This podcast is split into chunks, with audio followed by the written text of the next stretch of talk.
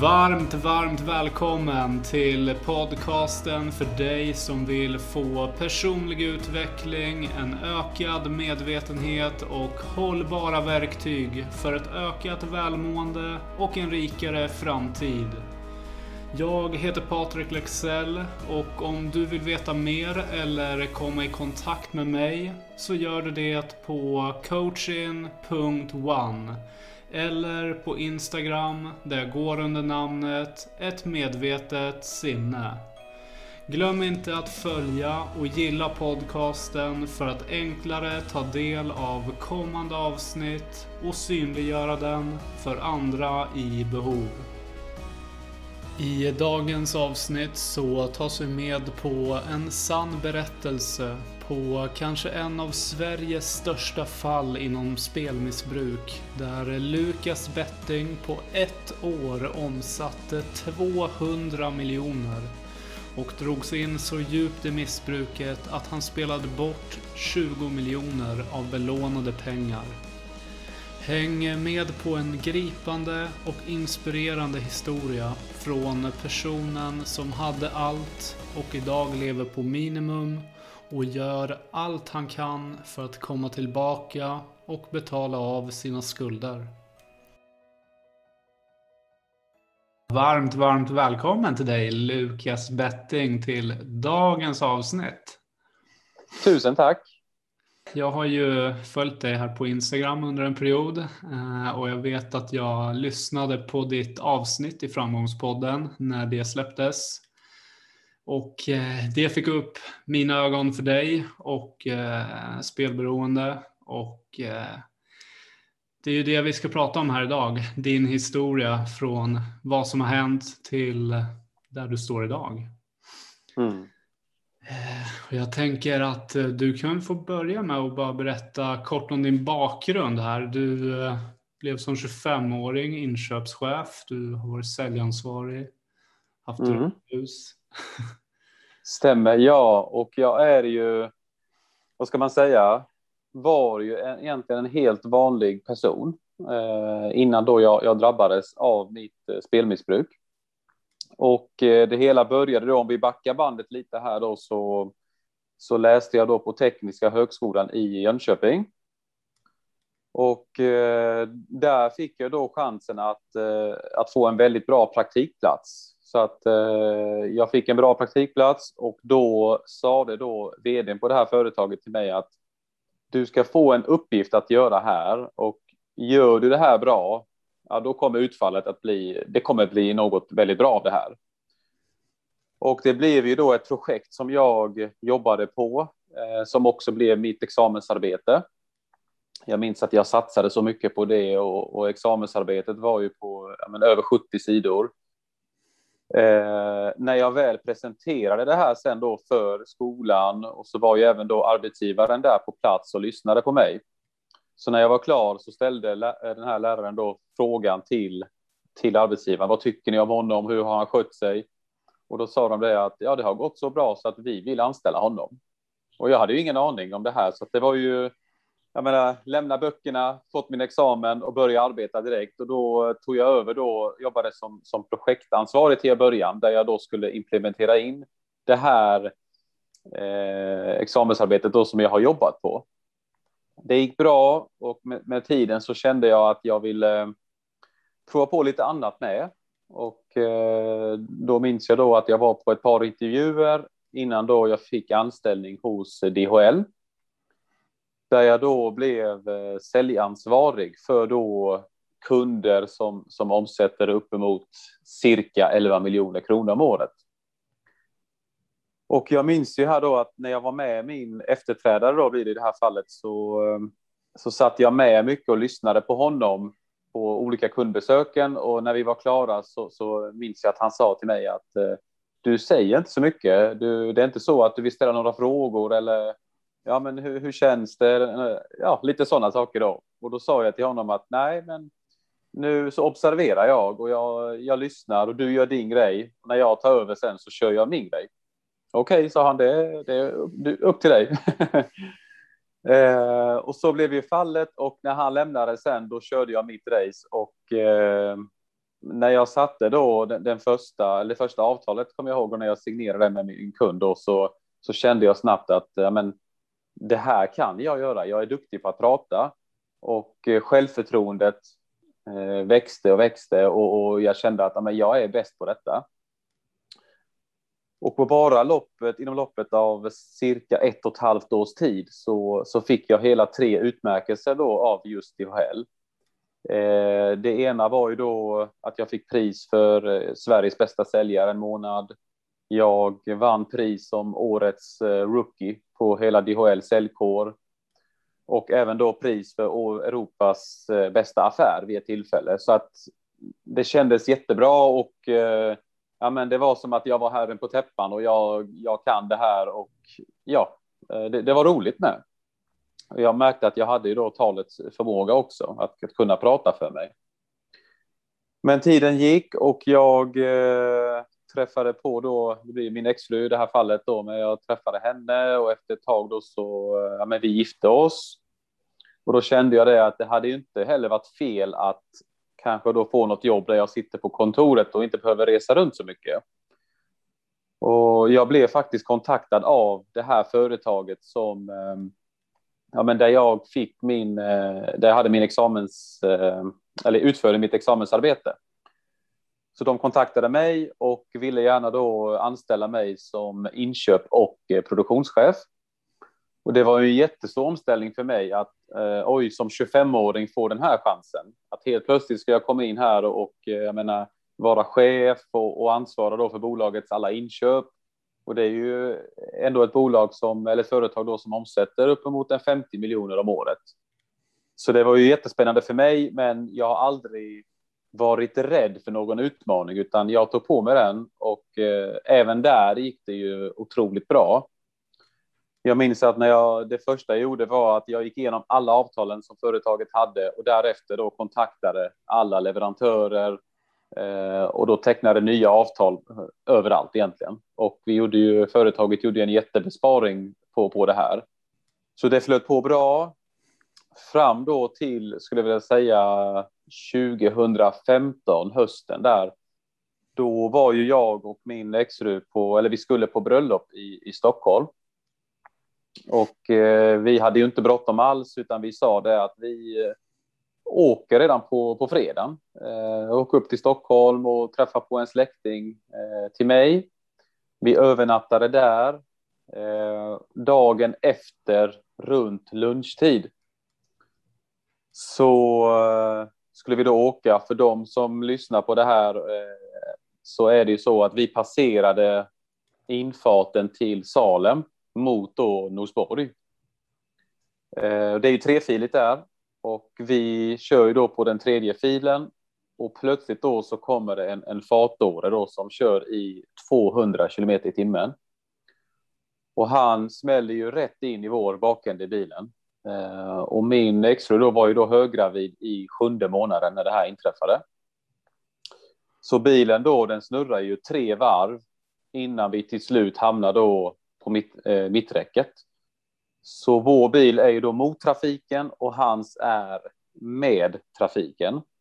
Och det började ju ryka från bilarna och eh, det enda jag hade då i huvudet var att jag måste få ut min exfru här och kolla att hon är okej. Okay.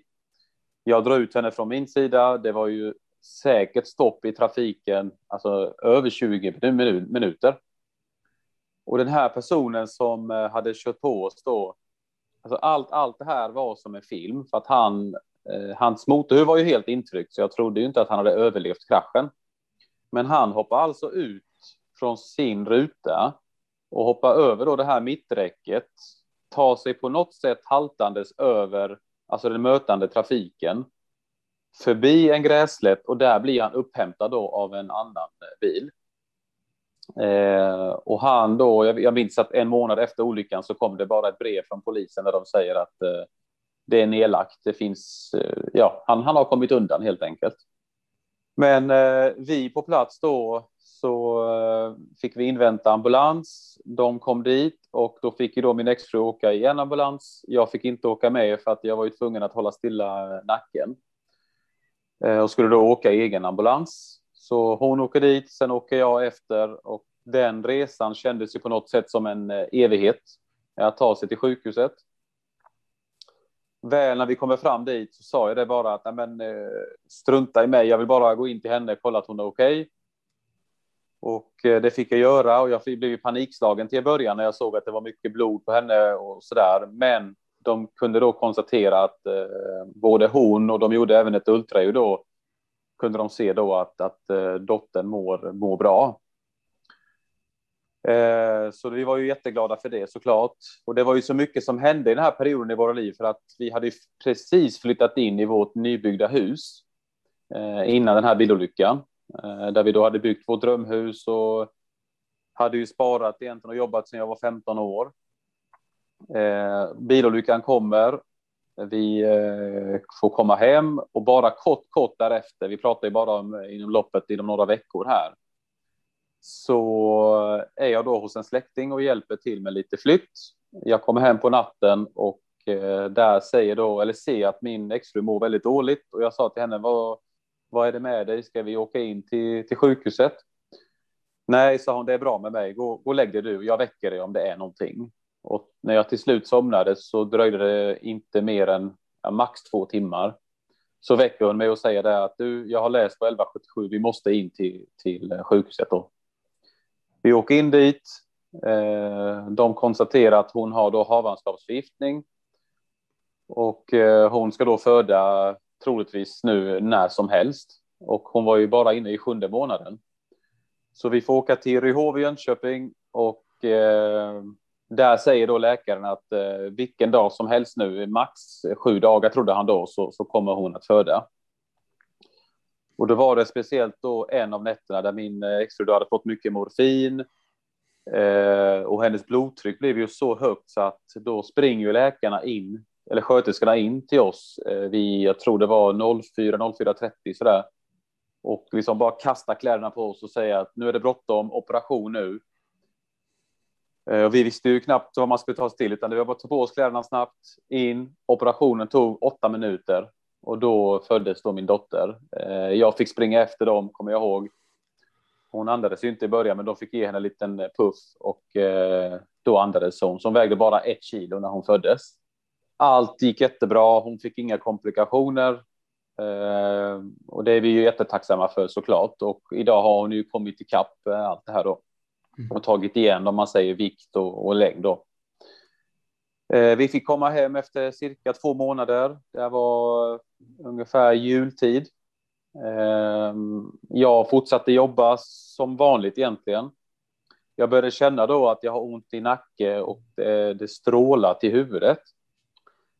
Men jag kände det att ja, jag sitter på kontoret och det är väl vanligt att man har ont i nacke och, och lite huvudvärk.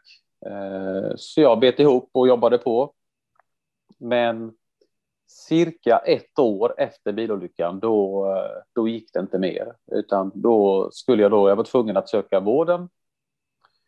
Eh, och där då så gjorde de en röntgen på mig och kunde då konstatera att jag har en whiplash-skada. Och det innebär då för mig att eh, jag måste gå hemma då på eh, eh, heltid, alltså bli heltidssjukskriven. Och det var ju jättetufft för mig att höra, för jag har jobbat sedan jag var, som jag sa tidigare då, sedan jag var 15 år och älskar att jobba. Och jag vet också att det är någonting jag verkligen kan göra.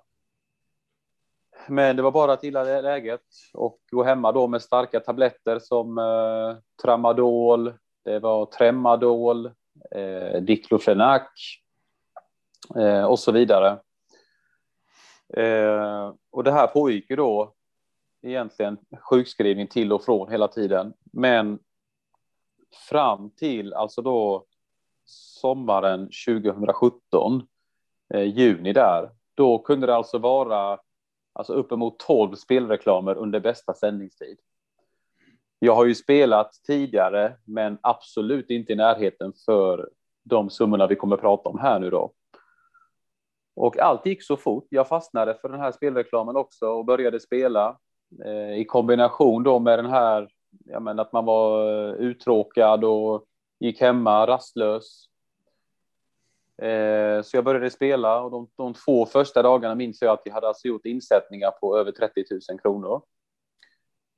efter fyra veckor ungefär där då så hade jag alltså gjort en vinst på strax över 100 000 kronor, vilket är väldigt mycket pengar. Mm. Och jag kände ju även där, om, vi, om du tänker på det jag sa tidigare då, med att jag menar, jag har, fick självförtroende och att jag kände att, eh, så, att jag var bäst som säljare, så kände jag att jag även var bäst på att spela. Det var så det gick, tankarna gick i huvudet. Mm. Eh, vem behöver jobba? Jag menar, det spelar ingen roll om jag har eh, den här sjukpenningen, så det, på, det spelar ju inte ingen roll, för jag är duktig på att spela. Det var så tankarna gick. Men dessa 100 000 eh, förlorade jag väldigt snabbt. Och eh, när de gick förlorade så var det bara att men, jag måste ju vinna igen. Jag kan ju vinna, det vet jag ju. Uppenbarligen så har jag ju gjort det tidigare. Mm. Eh, alla besparingar förlorades. Sen började då ta sms-lån, blankolån. Alltså sms-lånen kunde ju ha över 200-300 procent i ränta. Men det spelade egentligen ingen roll för mig för att så som missbruket eskalerade så kände jag där då att om räntan hade varit 1000 procent, det spelar ingen roll. Jag hade tagit det lånet ändå för att jag trodde ju att jag skulle vinna, vinna dem snabbt och betala tillbaka lånet och så då spela vidare. Mm. Tiden gick och när jag då hade uttömt egentligen alla alternativen då eh, till att kunna få fatt i pengar så började då någonting väldigt hemskt och det är ju något jag har otroligt mycket skam för. Och det är att då att jag började ta lån av eh, vänner, släkt, familj. Där jag då presenterade olika investeringsförslag eh, till dem, investeringar som egentligen inte fanns. Och eh, till min familj kommer jag ihåg att jag sa ju det att eh, jag behövde pengar till vårt nystartade bolag som vi hade startat igång. Och eh, det blev ju så att jag menar, när, det, när något sånt här kom från mig så litade man ju på det för att jag har ju alltid varit en glad, positiv människa som aldrig vill någon illa. Det vill jag än inte idag såklart. Men tyvärr då så tog ju missbruket över hjärnan fullständigt och eh, jag började då att eh, jag försökte presentera de här förslagen. De gick in med pengar. Det kunde då vara till en början avkastning på kanske 20 procent av, eh, av investerade pengar som i slutskedet sen kanske kunde vara över 100 procent i, i avkastning. Det var ju med, med takt med att desperationen ökade. Och eh, det här höll ju på i egentligen ett års tid. Och eh, till slut så stod jag där efter ett år och hade då alltså förlorat eh, strax över 20 miljoner kronor och omsatt över 200 miljoner kronor på spel, alltså på bara ett år. Det, det är brutala summor. Ja, det är det verkligen. Eh, och jag var ju som en, en bubbla på något sätt, alltså en tickande bomb som bara skulle explodera till slut för att min psykiska ohälsa försämrades ju mm. något enormt med tiden som gick. Jag var ju inlagd på sjukhuset vid, vid, tre tillfällen där jag hade hjärt, hjärtproblem. Och mm. eh, då sa ju då läkaren till mig att vad är det frågan om? Eh, vad är det som händer? Och i och med att man blir så duktig på att ljuga så drog jag bara en lögn där med och sa att det är mycket på jobbet. Mm. Eh, och då sommaren 2018 där så, eh, så eh, gick det så långt så att eh, då, då försökte jag ta mitt liv. Eh, jag kommer ihåg att jag tog eh, min bil och åkte till, till mina föräldrar. Det här var ju då min, min fars andra semesterdag och eh, jag var så blek när jag kom in dit. Och han var ju jätteglad att se mig såklart och eh, sa det till mig att vad är eh, frun, barnen och hur mår de? Och jag sa det bara att hämta mamma, mamma då och då var hon ute på trädgården och, och så där så att hon kom in och jag fick inte fram eh, egentligen ett enda ord på säkert över 30 minuter. Eh, jag bara grät och grät och grät. Och eh, till slut då så berättade jag och reaktionen från dem hade jag inte förväntat mig alls, utan jag kände det att jag förtjänar inte det här. Eh, för de sa det till mig att du är sjuk och vi ska hjälpa dig att bli frisk. Så vi pratade och sen så skulle vi fika lite och, och prata vidare. Och då smög jag mig faktiskt ut och jag ser ingen logik i varför, men jag valde faktiskt att ta tog min fars bilnyckel och tog deras bil. Och hade då med mig eh, de här starka tabletterna som, som jag hade fått i och med min whiplash-skada, eh, tramadol-tabletterna då. Så jag körde och var borta en stund och min far förstod ju där att men, något är fel här, så han ringde till polisen och eh, berättade allting till dem. Eh, jag tror att jag var borta i säkert i två timmar. Och jag parkerade bilen då på landsvägen. Jag går ut, eh, promenerar en bit in i skogen och eh, böjer mig ner och bara tittar upp i himlen och det bara forsar ner med tårar. Eh, och jag kan också säga det att jag hade ju, jag vet inte hur många, det räcker inte med 20-30 missade samtal under bara den, den tidsperioden där egentligen under loppet av de här två timmarna. Mm. Sms, röstmeddelanden som kom in. Alltså det bara, det bara ringde, ringde och ringde och ringde. Var, var det folk som ville ha tillbaka pengar då eller vad var det som? Eh, ja, ja. ha tillbaka sina pengar. Det var eh, mina föräldrar, Eh, mm. skyddade nummer, alltså det var allt möjligt. Och det gjorde det inte heller bättre att den här mobiltelefonen var ju från spelbolaget också, så att det blev så mycket känslor på en och samma gång. Så när jag stod där då på huk så plockade jag fram mina tabletter och eh, han bara få i mig en tablett då innan jag hör eh, en röst bakom mig då som, som skriker eh, Hörru! ropar han då bakom mig. Och då är det alltså polisen som, eh, som då hade kommit till platsen precis innan jag skulle hinna slutföra det här då. Eh, och det märkliga då är ju att även där så började då ljuga. Han visste ju om precis vad som hänt, för min far hade ju berättat, kortfattat såklart, men ändå vad det är som har hänt. Mm. Och han säger, vad är, det vad, vad, är det frågan om? Vad gör du här? Jag torkade tårarna snabbt och eh, sa det till honom att nej, men det är mycket på jobbet nu och, och, det är väldigt tufft bara. Och han sa det till mig att det är inte så att du har lånat pengar av folk som du är skyldig, eh, att det är det som är jobbigt för dig. Nej, sa jag, det stämmer inte, utan det är, det är mycket på jobbet bara. Jaha, och då sa han det till mig, eh, polisen då, att eh, jag kommer inte kunna leva med mig själv om du skada dig själv, så att jag måste köra dig till psykiatriska akutmottagningen i Jönköping. Innan vi åkte dit så skulle vi svänga förbi där hemma och eh, hämta lite saker.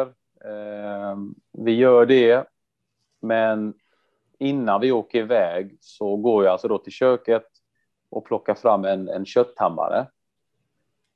Och eh, vi hade ju stengolv också så att jag ställde telefonen på golvet, den här mobilen då som ringde konstant och som också då var från spelbolaget. Och eh, jag spräckte ju den säkert i tusentals bitar och bara slog och slog och slog medan jag grät. Och polisen bara tittade på mig. Eh, tills han då eh, sa till mig att nu, nu vi måste åka, sa han då. Mm. Så jag lämnade telefonen och kötthammaren där och följde med polisen. Och blev då inlagd i totalt, ja, i första vevan då var det i fyra veckor. Mm. Sen blev jag utskriven därifrån och tyvärr så fick jag ett återfall eh, bara någon vecka efter. Där jag kände att eh, det, eh, jag är inte behövd utan det är ingen som älskar mig och eh, varför ska jag leva? Jag har gjort det här mot alla dessa människor. Eh, min far, han ringde mig, vi pratade och han, det var som att han kände på sig att något var fel. Så han sa det till mig att vi, vi lägger inte på luren, sa han. Jag hade ju alltså då tabletterna som jag skulle ta även då. Så han sa vi lägger inte på förrän vi har kommit dit. Eh, jag och din mamma då sa han, vi kommer nu och eh, vi la inte på mycket riktigt förrän de kom och då körde de mig då till psykiatrin då eh, en andra gång där jag låg inlagd då i totalt en vecka. Så det blir ju bägge gångerna då så har jag legat inlagd i fem veckors tid totalt. Mm. Eh, och då blev jag då utskriven eh, för andra gången då. Eh, och när jag kom hem då så var det ju en oerhört tuff period i och med att jag brukar säga att det värsta som har hänt i mitt liv då eh, kopplat till mitt eh, spelberoende så är det ju att jag det är ju egentligen två saker såklart då. Eh, det ena är ju då att eh, alla har skadat, alltså alla dessa människor då ekonomiskt, att de har lånat ut pengar till mig. Mm. Men framför allt då att jag alltså inte fick se mina barn då på eh, hela sju månader. Det tog sex månader innan jag fick se dem på videosamtal första gången. Oj. Och då var jag alltså min son, han var ju bara sex månader och dottern var ju ett och ett halvt skulle det bli då två år. Mm. Så jag fick inte se dem alls, vilket då medförde att all den här skammen i kroppen, fick inte se mina barn, Eh, tankarna bara gick, hur ser de ut nu? För barn ändras ju från dag till dag i princip, mm, säga, när de är så små. Mm. Eh, jag låg hemma och åt ostbågar till frukost, eh, friterad mat, eh, gick upp rejält mycket vikt och jag vägde ju, minns jag, 116,5 kilo. Mm. Eh, och orkade ingenting. Jag blev så här andfådd när jag bara skulle promenera till Ica och handla. Så jag orkade ingenting. Eh, fram då egentligen till november 2018 där då. Då ringde min bror mig. Vi hade ett långt samtal. Och det var det som fick mig att, att bestämma mig för att nu måste jag resa mig upp igen. Och vi pratade alltså i över en timme, och han, han sa det till mig egentligen ordagrant att eh, du är inte ensam om allt som har hänt. Utan tänk på alla stackars människor då som har drabbats på grund av ditt missbruk. Nu hjälper det inte, sa han, med ord längre att säga vad du ska göra, utan du måste visa med handlingar framåt. Eh, vad det är du verkligen vill göra. Och det är dags nu, sa han till mig. Och då minns jag att jag tog beslutet och jag eh, fick hjälp då med att införskaffa ett gymkort. Och sen dess har jag egentligen då tränat eh, på gym kan man säga då fem dagar i veckan och eh, motionera ute varje dag. Och jag har ju gått ner här lite över 35 kilo. Eh, så det är en, även en rejäl viktresa kan man säga som jag har gjort. Mm. Och eh, målet med träningen har ju hela tiden varit att jag ska må bra. Eh, det ska förbättra min hälsa. Och det har det ju verkligen gjort kan jag säga. Mm. För när jag kommer till, när jag tränar så kommer jag på andra tankar. Eh, så att, ja, så egentligen sen, sen den dagen så har jag alltså tränat eh, egentligen konstant kan man säga tills där vi är idag. Mm. Så det är lite, jag på att säga, inte kortfattat, men det är eh, lite stora drag vad som har hänt med historien där. Sen finns det ju, mm. mm. ibland brukar jag säga att jag ska kunna sitta i flera timmar och prata om, eh, det har hänt så mycket saker då i, mm. i, i mitt liv då. Mm. Ja, det är ju en otrolig, alltså det är så mycket saker som har hänt och det du pratar om är ju på loppet av ett och ett halvt år ungefär från att bli eh, eh från olyckan till sjukskrivning till eh, eh att spela bort 20 miljoner, omsätta mm. alltså 200 miljoner. Miljoner, ja, ja, På ett år bara, så det är ju helt otroligt ah. inte. Eh, ja, det, det helt galet. Och du har ju verkligen haft eh, änglavakt också där, tänker jag med bilolyckan. Alltså det är ju verkligen eh, helt galen historia. Det var, var det det som också liksom blev starten, tänker jag. Att, eh, alltså ni klarade er så otroligt bra. Sen så blev du sjukskriven med whiplash-skada. Eh, blev uttråkad, för du, du verkar ju vara en otroligt driven person som, som blir eh, ansvarig så pass tidigt eh, och får mm. de här stora uppdragen, du levererar och helt plötsligt så kan du inte göra det för att du måste vara sjukskriven. Eh, är det det som också liksom driver igång det? Du nämnde där med spel, spelreklamen som eh, snurrar överallt än idag. Alltså det är ju inte lätt att hålla sig undan. Det är ju väldigt lätt att börja spela. De ser mm. väldigt bra. Ehm, men var det där någonstans, liksom hur, alltså hur fort gick det? Du satte in 30 000 och sen, alltså hur lång tid tog det innan du, du förlorade dina 100 000 och sen när började du ta belåningarna? Och, och liksom, hur, hur fort gick det här? Ja, allt, allt gick ju egentligen i en otrolig fart, måste jag säga. Eh, och det blev ju det här med att jag alltid haft självförtroende och så vidare blir väl lite negativt i det här fallet i och med att jag kände att jag är bäst på att spela. Det var så hjärnan tänkte där. Mm. Och eh, efter fyra veckor då så hade jag alltså vunnit över 100 000 kronor. Mm. Sen gick det väldigt fort. De 100 000 förlorade jag så snabbt och eh, i och med att just hur hjärnans belöningssystem fungerar så är det så att man man börjar då placera alltså större och större spel för att få den här kicken också. Eh, så om du kanske har lagt spel på 1000 så blir det 3000, det blir 5000, 10 000 och så mm. ökar det ju då såklart. Jag minns att eh, vi, alltså inom loppet av tio timmar, vi, alltså vid ett tillfälle, på, det var en dag, då så hade jag alltså spelat för över 8 miljoner kronor på alltså bara tio timmar. Åh oh, jäklar. Ja, shit. Så, så desperat var jag. Ehm, och det var ju på allt möjligt. Jag kunde till exempel placera ett spel på 50 000 kronor, att det skulle bli inkast nästa minut till exempel. Ehm, jag hade ju spelat då på eh, Barcelona, mötte Getafe då det stod 0-0 och det var 20 minuter kvar. Och det är ju det här, jag, jag lyfter det för att det är vissa som säger det att ja, det finns säkra matcher, det finns eh, säkra spel. Nej, det gör det inte. Jag hade alltså då spelat 420 000 kronor på att det skulle bli, alltså det räckte med ett mål i matchen, oavsett vilket lag som är mål, bara det blir ett mål, minst ett mål. Mm. Och det slutade 0-0. Och eh, det var ju återigen det här att jag höll allt inom mig så och, och alltså min psykiska ohälsa bara försämrades från dag till dag egentligen och speciellt när det inträffade. Det var ju en av de tuffaste dagarna då. Att, eh, att man spelade bort nästan en, en, halv miljon på, det var på 20 minuter.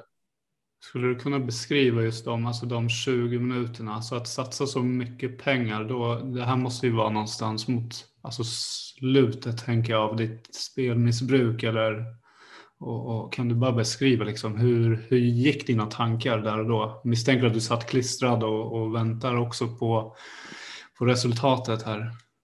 Ja, jag tittade ju även på matchen minns jag och eh, då hade även Barcelona sina Alltså de var ju verkligen på topp då. Det var ju en av deras bästa säsonger. De hade ju de här toppspelarna som spelade.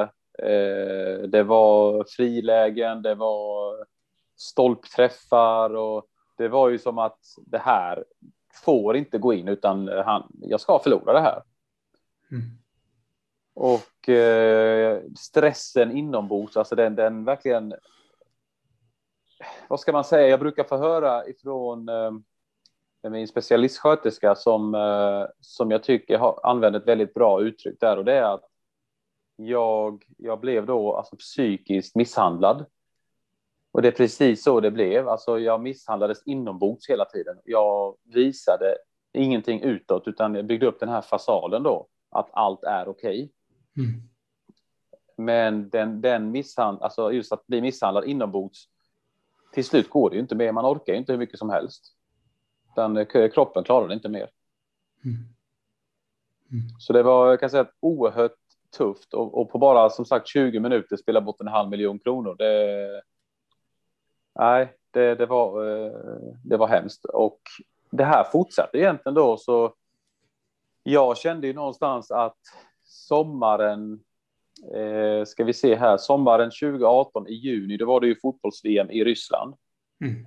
Och eh, där såg jag det som att här är min på något sätt sista chans här nu att lyckas vinna de stora pengarna. Hur, hur mycket pengar så, handlar det om då? Liksom att du behövde få, få in, var det 20 miljoner eller som du, hade, som du behövde alltså, betala jag, jag tillbaka? Jag kan säga så här, ja, idag är jag ju glad för att jag inte vann någonting där. För att hade jag gjort det så kanske det här hade fortsatt till att bli alltså ännu mer pengar in, in, kanske inblandat i detta då. Uh. Jag har ju idag privata skulder då på cirka 15-16 miljoner kronor då. Mm. Eh, privata skulder. Och den här resan till fotbolls-VM då fick jag ju från spelbolaget. Eh, jag har ju fått mängder av bonusar från spelbolagen. Det är ju allt ifrån nya iPhone-telefoner, eh, då fotbollsresan till Ryssland, Zlatan signerad tröja, Eh, pengar att handla för på Eleganten. Det är ju var på El Clasico och titta på Real Madrid, Barcelona, där vi fick ett sån här VIP-bås med tilltugg och eh, alkohol. Jag har fått bonusar i mängder. Eh, då rörde det sig om, eh, jag vet den största bonusen, jag tror jag fick 60 000 kronor vid ett tillfälle bara in i kontot, eh, rätt in sådär. Och de pengarna var ju, heller, alltså de var ju omsättningsfria så att jag kunde ju ta ut dem om jag ville. Men det visste de ju om att det gör jag ju inte för att jag var så pass beroende. Mm. Så i alla fall, jag fick den här resan till, till Ryssland och eh, fick åka med en vän dit. Mm. Och då kommer jag ihåg att jag hade då startat igång ett, eller öppnat ett bankkonto hos SEB-banken. Mm. Det jag kan nämna också då det är att jag hade ju flera banker egentligen då. Eh, och eh, alla hade ju spärrat mig förutom Handelsbanken. För de tyckte mm. att det här var något, något skumt på gång. Man kan inte få in så mycket pengar, det bara in och ut och hela tiden då. Ja, precis. Måste väl redovisa eh, var, var de kommer ifrån och så där. Ja, och det märkliga är ju att Handelsbanken då inte spärrade mig också som de andra gjorde. Mm. För jag menar, det kunde ju vara alltså 4 miljoner kronor i omsättning på en månad. Mm. Ska, man, ska man till banken idag och redovisa att man har kanske sålt en bil för 10 000 kronor så frågar de var pengarna kommer ifrån. Ah, precis. Men alltså att, att man då får omsätta 4 miljoner i månaden, det är ju det, det, mm. det kan jag inte förstå. Mm. Eh, men av någon anledning också då så valde jag då att, att öppna ett konto på SCB e för att ha lite alternativ egentligen. Eh, och jag gjorde det och fick in 600 000 kronor av en person då som skulle ja, investera pengar då. Mm. Eh, kommer till Ryssland, vi landar där och vi åker till hotellet i Sochi som det heter. Eh, femstjärnigt hotell. Vi bodde ju på samma hotell som ja, men de svenska och brasilianska spelarnas fruar. Eh, så det var ju riktigt lyxhotell. Vi mm. såg ju men Neymar och, och Philippe Coutinho var ju bara någon meter ifrån mig där. Mm. Eh, och allt det här för att ska, man ska få den här lyxkänslan då att man är speciell. Just det. Och det är ju det så jag kände mig. Hur, det låter ju så sjukt egentligen att man spelar bort miljoner, men eh, man får en resa dit och så känner man sig då så, så uppskattad och eh, speciell.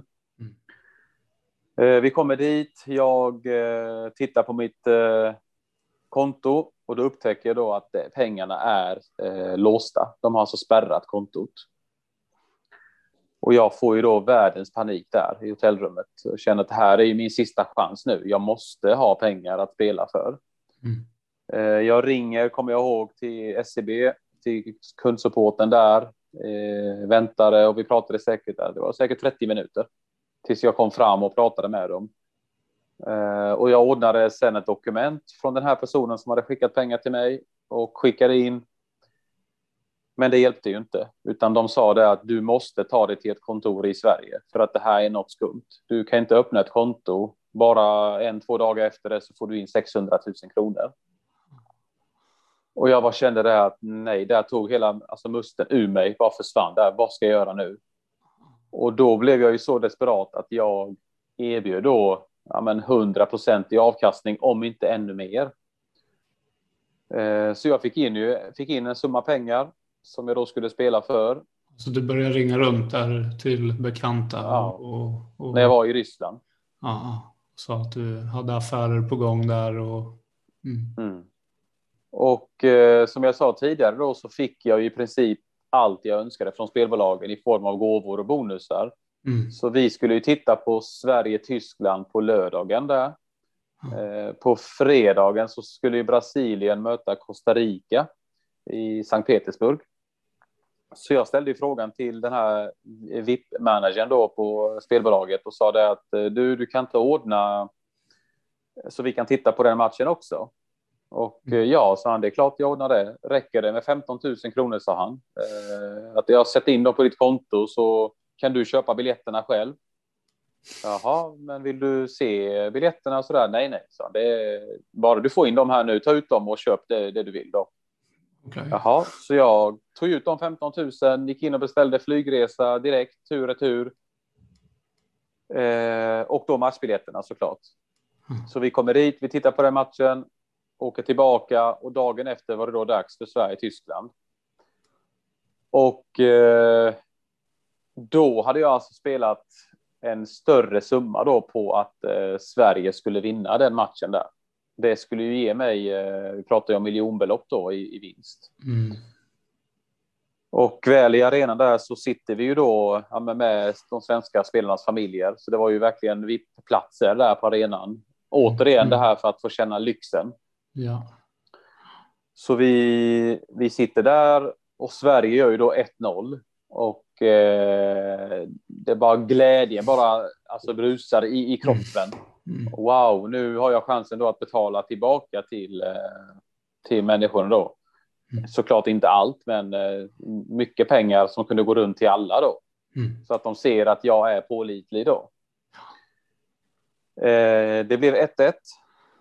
Och jag, jag, jag har för mig att 1-1 skulle på något sätt ge tillbaka pengarna mm. som insatserna var. För jag hade spelat mycket då på kryss, men framför allt då på att Sverige skulle vinna. Aha.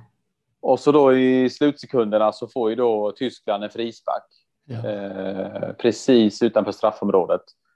Och eh, då minns jag att det var då Tony Kroos som eh, mm. satte den frisparken och det blir då 2-1 till Tyskland. Mm. Och där så bara kände jag att nej, det här går inte mer. Alltså det var, jag orkade inte med någonting. Allt bara gick ut kroppen. Jag hade alltså förlorat allt. Eh, och det var då efter den här uh, resan hem sen som uh, jag då skulle försöka då ta mitt liv då. Jäklar. Det måste varit en av de längsta resorna hem där också. Ja. Alltså, dina tankar måste ha snurrat extremt mycket efter att uh, göra det sista försöket. Bankerna har spärrat dina pengar, bolag, spelbolagen fortsätter att ge dig. Du får spela bort dina sista pengar. Mm. Och det är ju så otroligt mycket pengar också. Och jag har ju sagt mm. det, alltså sen första dagen jag gått ut i media så har jag varit tydlig och sagt att jag har aldrig skyllt på någon eller något och det gör jag inte än idag. Men det finns ju då bidragande man säger, faktorer som har gjort att jag har kunnat, som har möjliggjort för mig att kunna fortsätta spela. Som mm. bland annat Handelsbanken, mm. som spelbolagen då har uppmanat och skickat gåvor och och pushat mig till det här. Mm. Alltså att man kan då få spela för dessa summor är ju helt otroligt. För de har ju, jag har ju hört själv spelbolagen säga i, jag har hört i poddar att de säger att men de, de kollar ju, de kollar ju årsinkomsten då på eh, varje spelare och spelar man för mer än sin årsinkomst då ska de agera, vilket de gör enligt dem själva. Mm. Men eh, jag omsätter inte 21 miljoner om året. Eh, ja, det är inte min årsinkomst, absolut inte. Mm. Så då skulle ni ha agerat här, men det har ni inte gjort. Så det stämmer ju inte heller. Och eh, det är ju därför då vi har, eh, jag får ju hjälp här idag, men vi har ju tagit till rättsliga eh, åtgärder då mot detta nu, så att vi, vi driver rättsliga processer mot spelbolagen. Mm. Och eh, även banken då, så jag hoppas på att det ska leda till något. Så min förhoppning är att det, det kommer lite intäkter därifrån, så det kan då såklart gå till alla som har lånat ut pengar till mig då.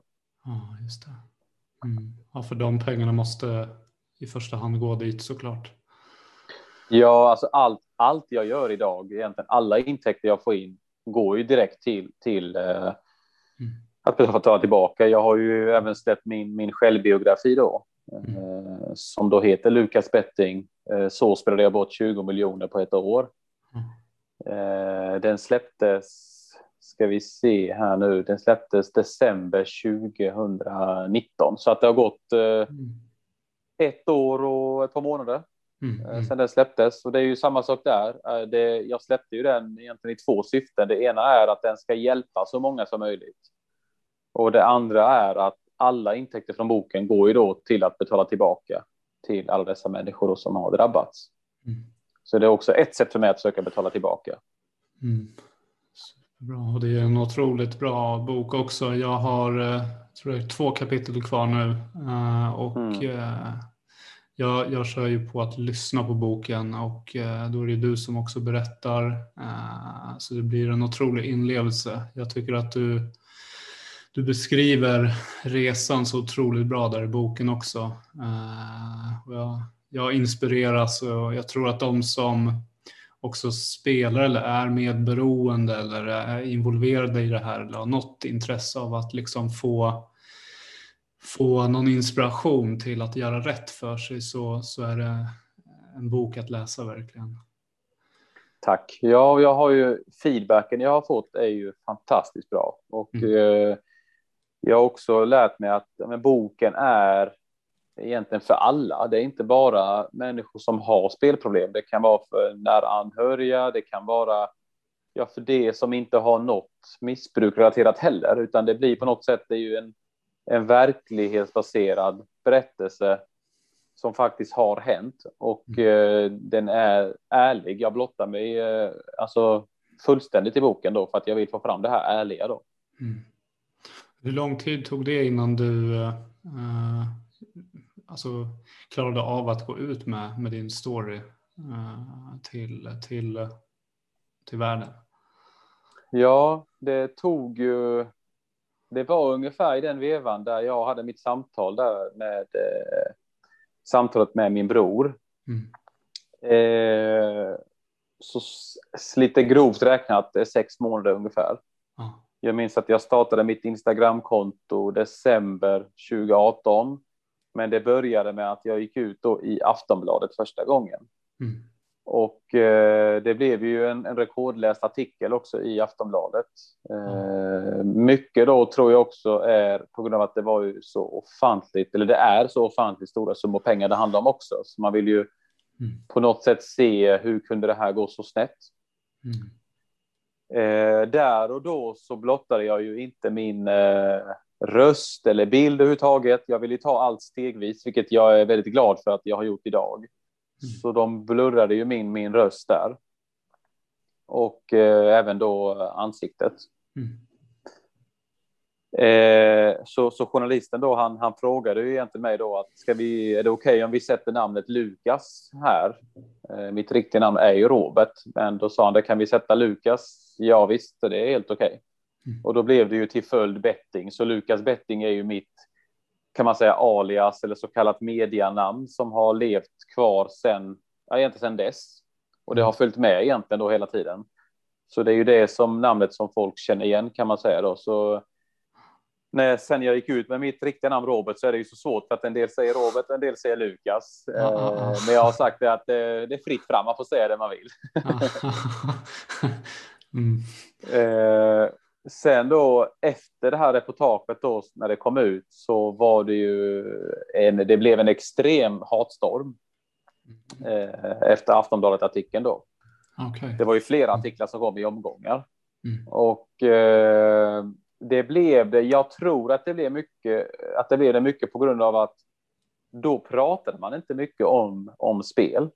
Mm. Eh, det var inte alls mycket och så kommer jag där med min story och delar med mig och så är det så mycket pengar inblandat, så många människor inkopplade.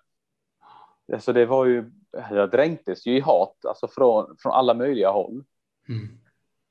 Men jag kände det, alltså efter att kanske ha läst över tusen hatkommentarer kände jag att nej, alltså jag gör det här för jag vet hur många som mår dåligt där ute, som inte vågar dela med sig. Och det, jag är övertygad om att det här kommer hjälpa andra.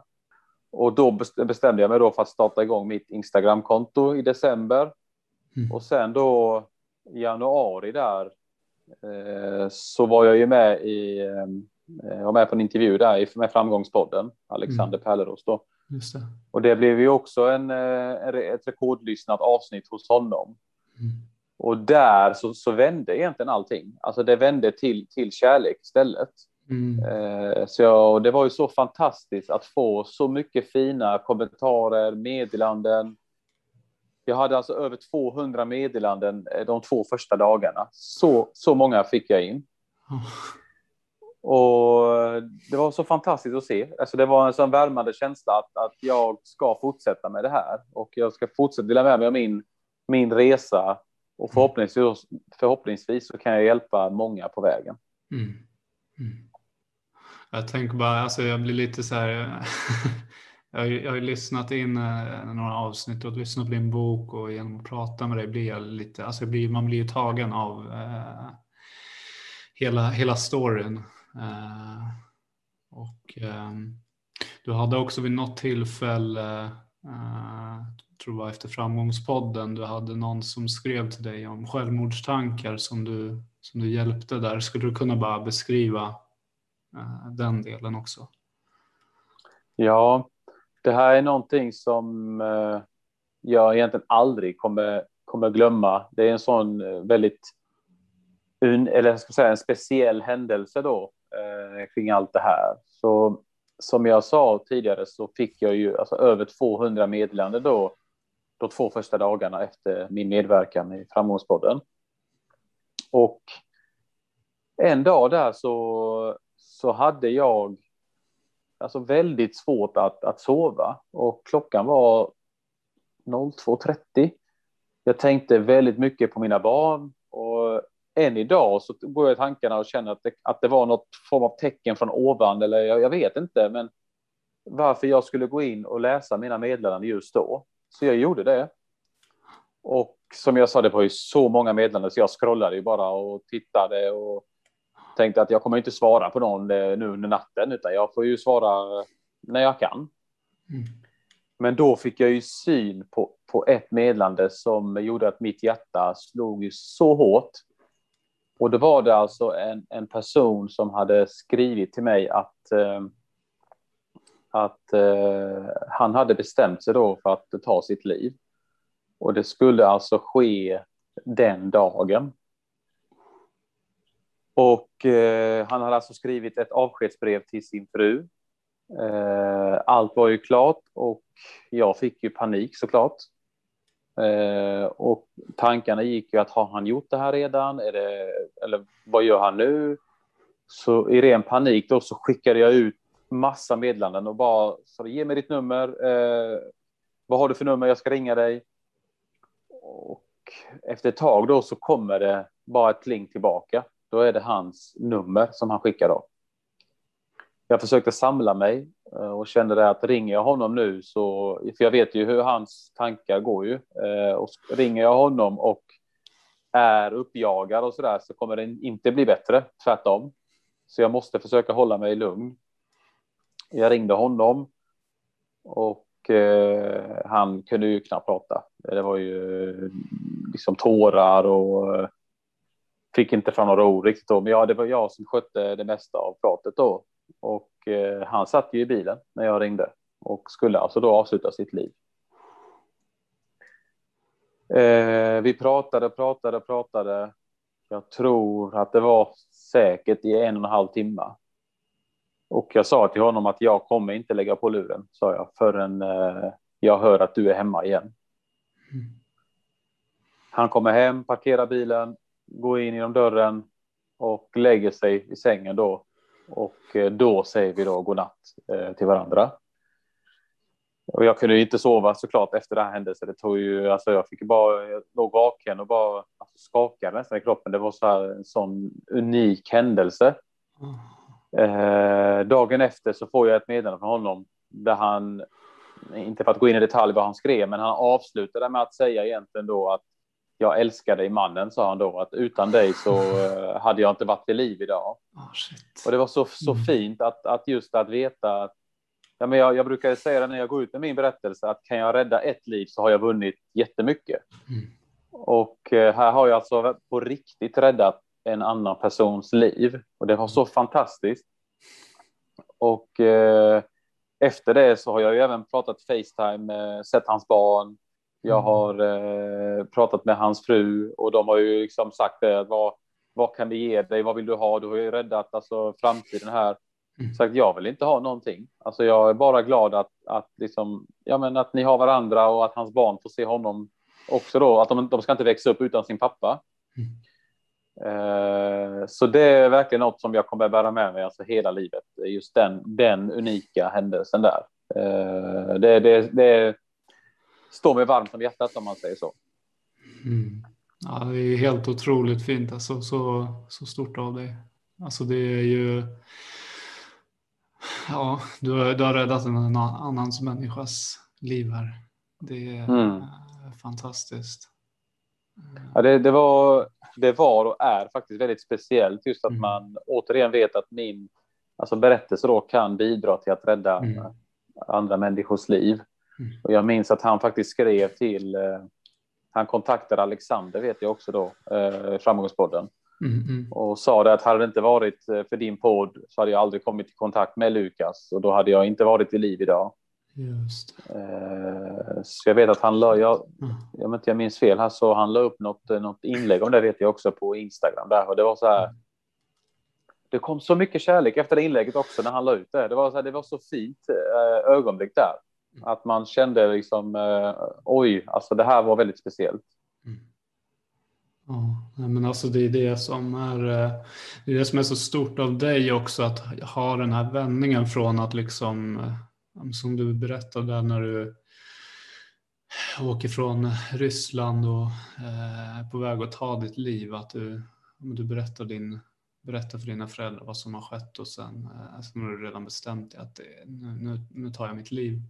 Och att du mm. från det har tagit dig modet och kraften. Och, alltså det, är ju, det är en otrolig vändning att kunna inspirera och dela med sig av den här händelsen, de här händelserna. Mm. Det har ju varit många, många olika delar i storyn såklart. Mm. Att, du, att du öppet delar med dig och hjälper så många människor med det. Alltså det, det är så, så bra.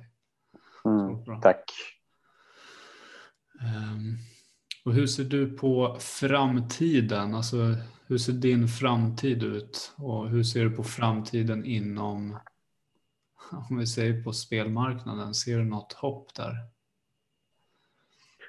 Alltså jag vill ju göra skillnad såklart. Det är ju det är därför jag gör allt detta. Mm. Eh, att kunna hjälpa så många som möjligt. Jag, jag ser att det börjar ju ta, man börjar prata mer om det.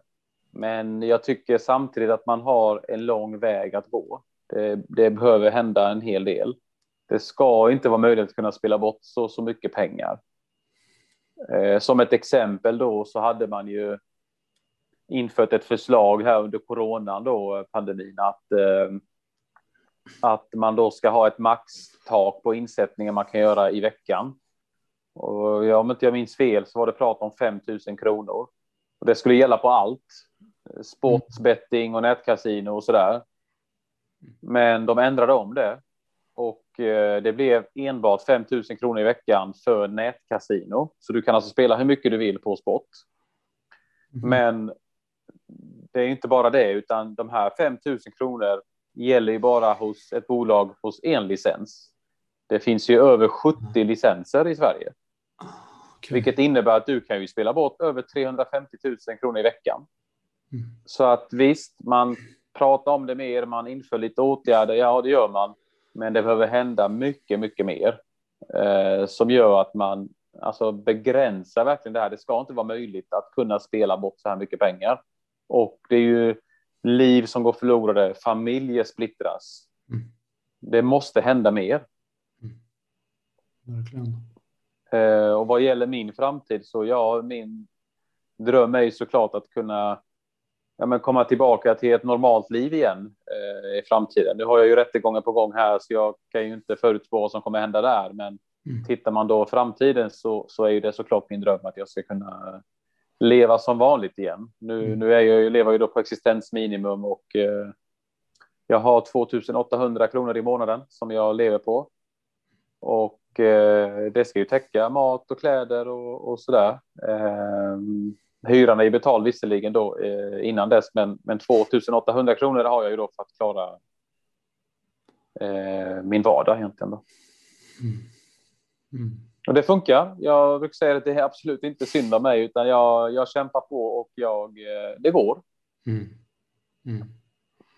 Ja, nej, men det är, det är fantastiskt. Det är en helt, helt annan standard och verklighet nu som du sitter i. Ja, från att ha byggt mm. sitt drömhus och sparat egentligen sedan jag var 15 år till, till det här. Mm, mm. Men det är också det som visar att, att livet kan få sig en snabb vändning. Det kan mm. gå fort i livet då.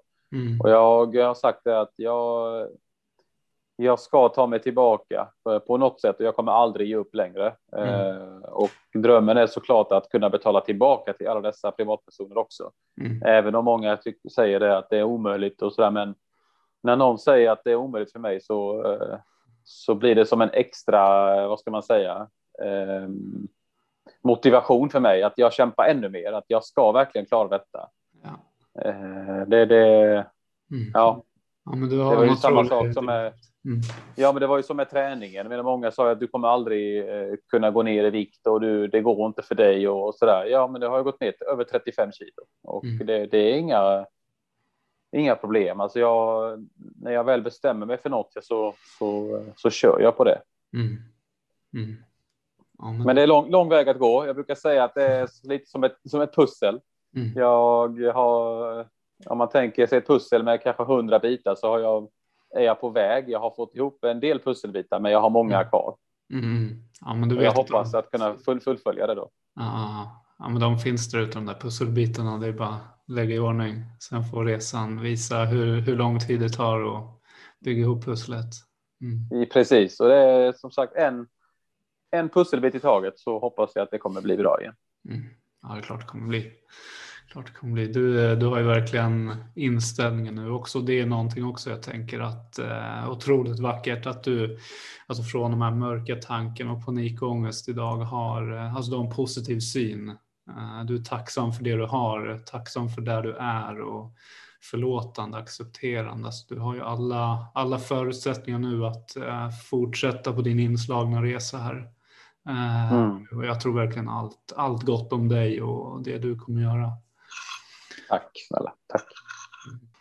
Jag tänker det med om vi backar bandet till de här spelbolagen och eh, eh, alltså rättegången som ni sitter i nu eller rättsprocessen. Alltså det är ju och även banker, alltså de måste ju någonstans, du nämner ju det att de har ju vissa riktlinjer att hålla sig till och alltså det kan ju inte vara eh, rimligt att du spelar bort pengar och de tar en viss del av den här pengen och köper resor och de ger dig eh, nya prylar. De sätter in pengar för de pengar du har spelat bort då i princip. De, de sätter dem i rull och, och håller dig kvar att eh, generera mer pengar åt spelbolagen. Och bankerna som ska också styra och se till att man att pengar inte snurrar runt i fel riktning, eh, gör Mm ingenting. Eh, det, det är ju helt absurt. Eh, Det är ju, det är ju egentligen av den anledningen som vi som då valde att lyfta det här och ta till rättsliga processer, eh, åtgärder då, kring detta. För att mm, de har ju uppenbarligen gjort, det har brustit någonstans på vägen, att det kan inte vara okej att göra så. mm, Eh, Jag menar, var, varför ska alla andra banker spärra mig, men inte Handelsbanken? mm. Och, eh, också, Har de gått ut med någonting? Handelsbanken, alltså de har svarat på det här också eller? Vad ja, deras... de uttalade sig, de uttalade sig i, i Aftonbladet då i samband med min artikel och där sa de ju något väldigt märkligt. De kom, eller de kom med ett märkligt uttalande då som kom från deras presstalesman där han då sa att vi bryr oss inte om våra kunder eh, köper godis i butiken eller köper barnporr, hade han sagt då. Och bara, va? Och det, när han sa det och det kom ut i Aftonbladet, då blev Ja. det ju kaos i media överallt. Ja, Och folk som skrev på deras Facebook-sida, det var på sociala medier, tidningar. Alltså det uppmärksammades ju hela Sverige. Alla tidningar i Sverige skrev om det här. Eh, Så det är det uttalandet som, som den här presstalesmannen kom med. Eh, Så det är det som har hänt egentligen kring, kring det. Och eh, jag får ju som sagt hjälp då med rättsliga processerna här nu att vi driver det vidare. mm, mm, Och eh, det och det som sker mot spelbolagen kan jag ju inte gå in på eh, tyvärr så fördjupat i just nu, men, men det pågår i alla fall. mm, mm. Och jag tänker där med det som du pysslar med idag och har gjort nu under en tid. Alltså det är ju, du har ju uppnått en hel del följare. Du, hatet har vänt mot kärlek. Man börjar se liksom vem, eh, vem du verkligen är. Du är ju en otroligt ödmjuk och eh, vänlig eh, människa. Alltså du har ju en, en otroligt fin själ. Och när du var spelberoende så var ju inte du dig själv. Alltså det var ju någonting som tog över dig. Att du Mm. eh, belånade. Hur många familjer var det som du liksom belånade? Det rör sig om eh, 30, Så det är vä- väldigt många. Och eh, cirka hälften av dem då har ju då gjort en polisanmälan mot mig. Ja. Eh, då eh, anmält mig då, så att det är ju klassat som grovt bedrägeri. Mm. Och för några veckor sedan så väckte ju åklagaren eh, ett åtal eh, mm. på det här. Eh, jag har inte fått något datum ännu, men jag väntar in det så att det blir en rättegång snart. Och jag vet ju inte alls hur det kommer gå där och jag väljer också att inte spekulera kring det för att det hjälper inte och det är ingen mm. som vet vad, vad utfallet kommer bli. Mm. Utan eh, jag tar varje dag som det kommer och fokuserar på det jag kan göra här och nu. Jag kan inte påverka något annat egentligen då. Mm. Ja. Det känns som att du har, alltså det är precis som, som att, alltså du kommer väldigt snabbt fram i de saker du gör. Du blir, eh, du är otroligt driven redan som ung. Du har drömhus, ett toppjobb och sen eh, på, på ett år blir du omsätter du 200 miljoner och sen eh, självmordsförsök vid två tillfällen. Säkert många mm. självmordstankar, ångesttankar, panik. Och nu mm. står du här och har släppt en bok.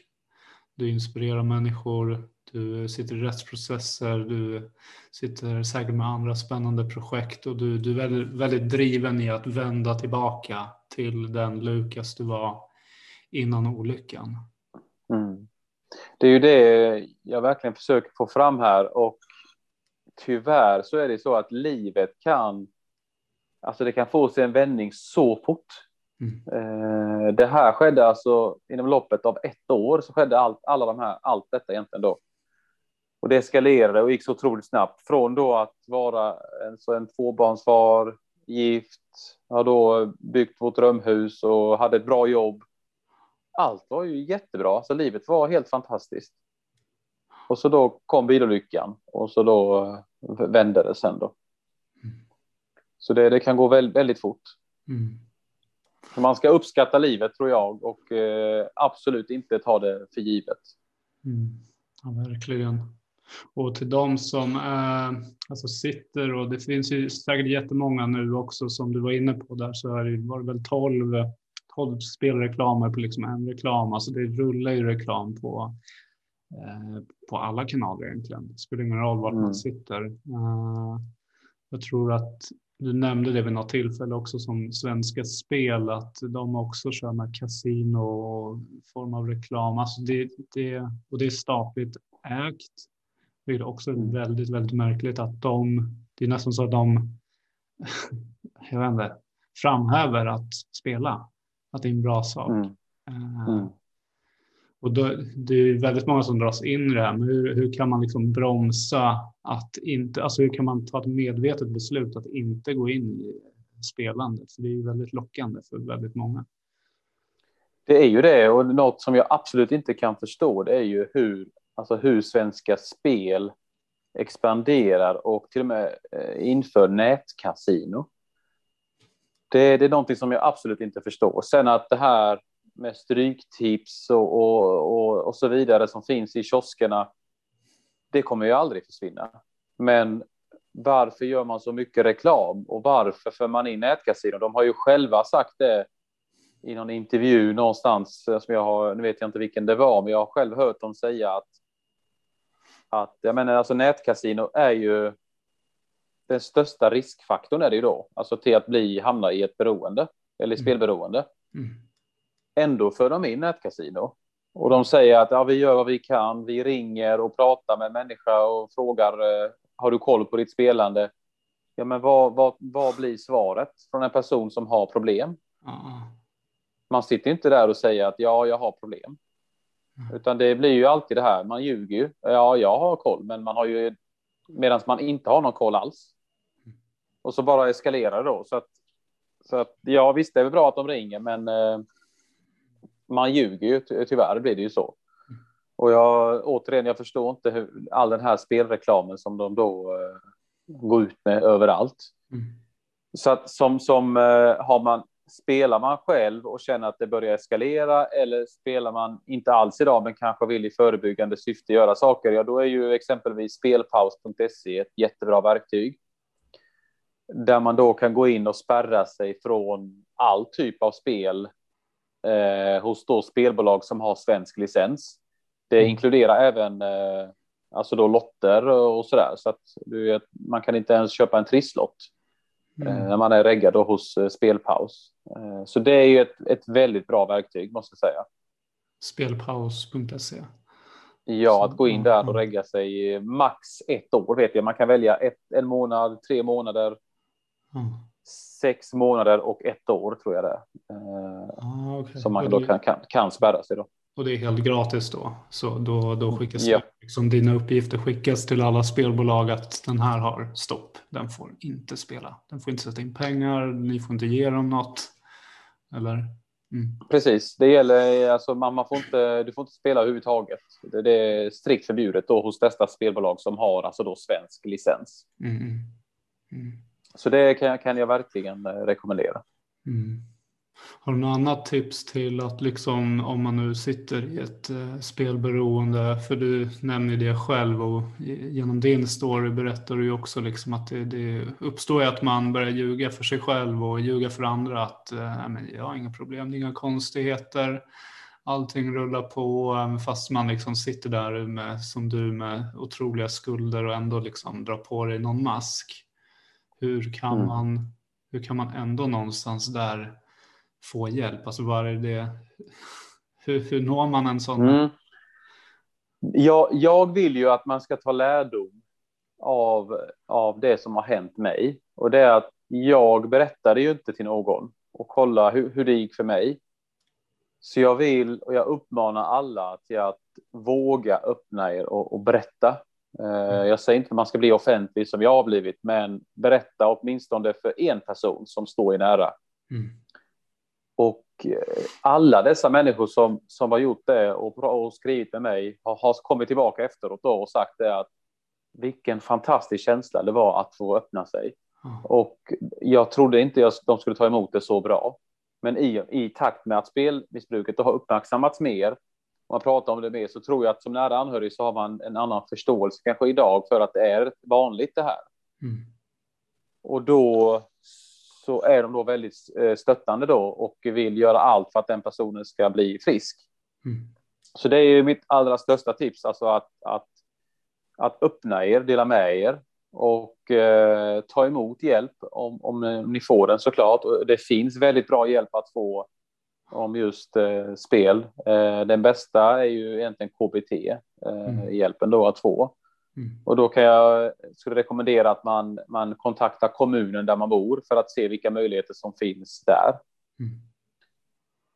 Eh, sen så skulle jag även vilja säga att man ska försöka hitta sig en hobby så att man kommer på andra tankar.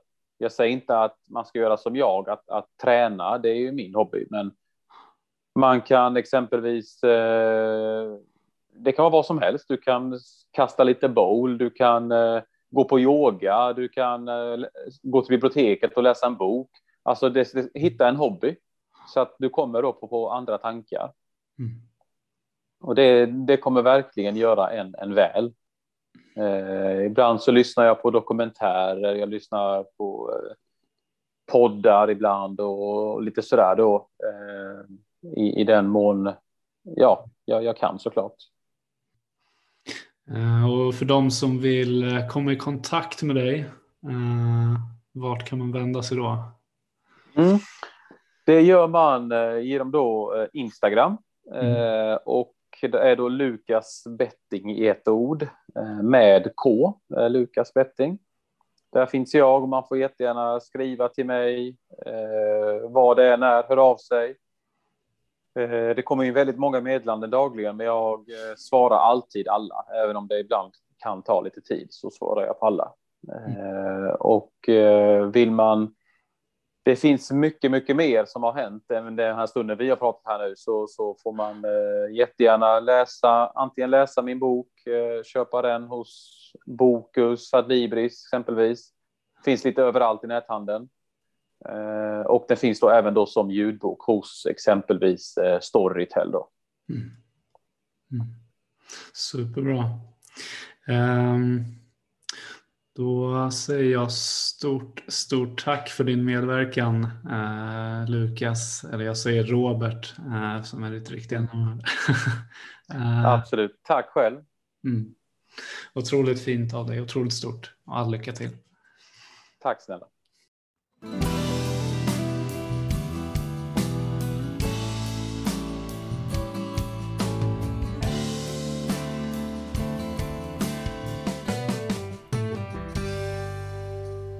Jag vill eh, tacka dig för att du har lyssnat och deltagit i detta avsnitt. Och eh, om du gillade avsnittet så glöm inte att eh, följa, gilla och dela podcasten.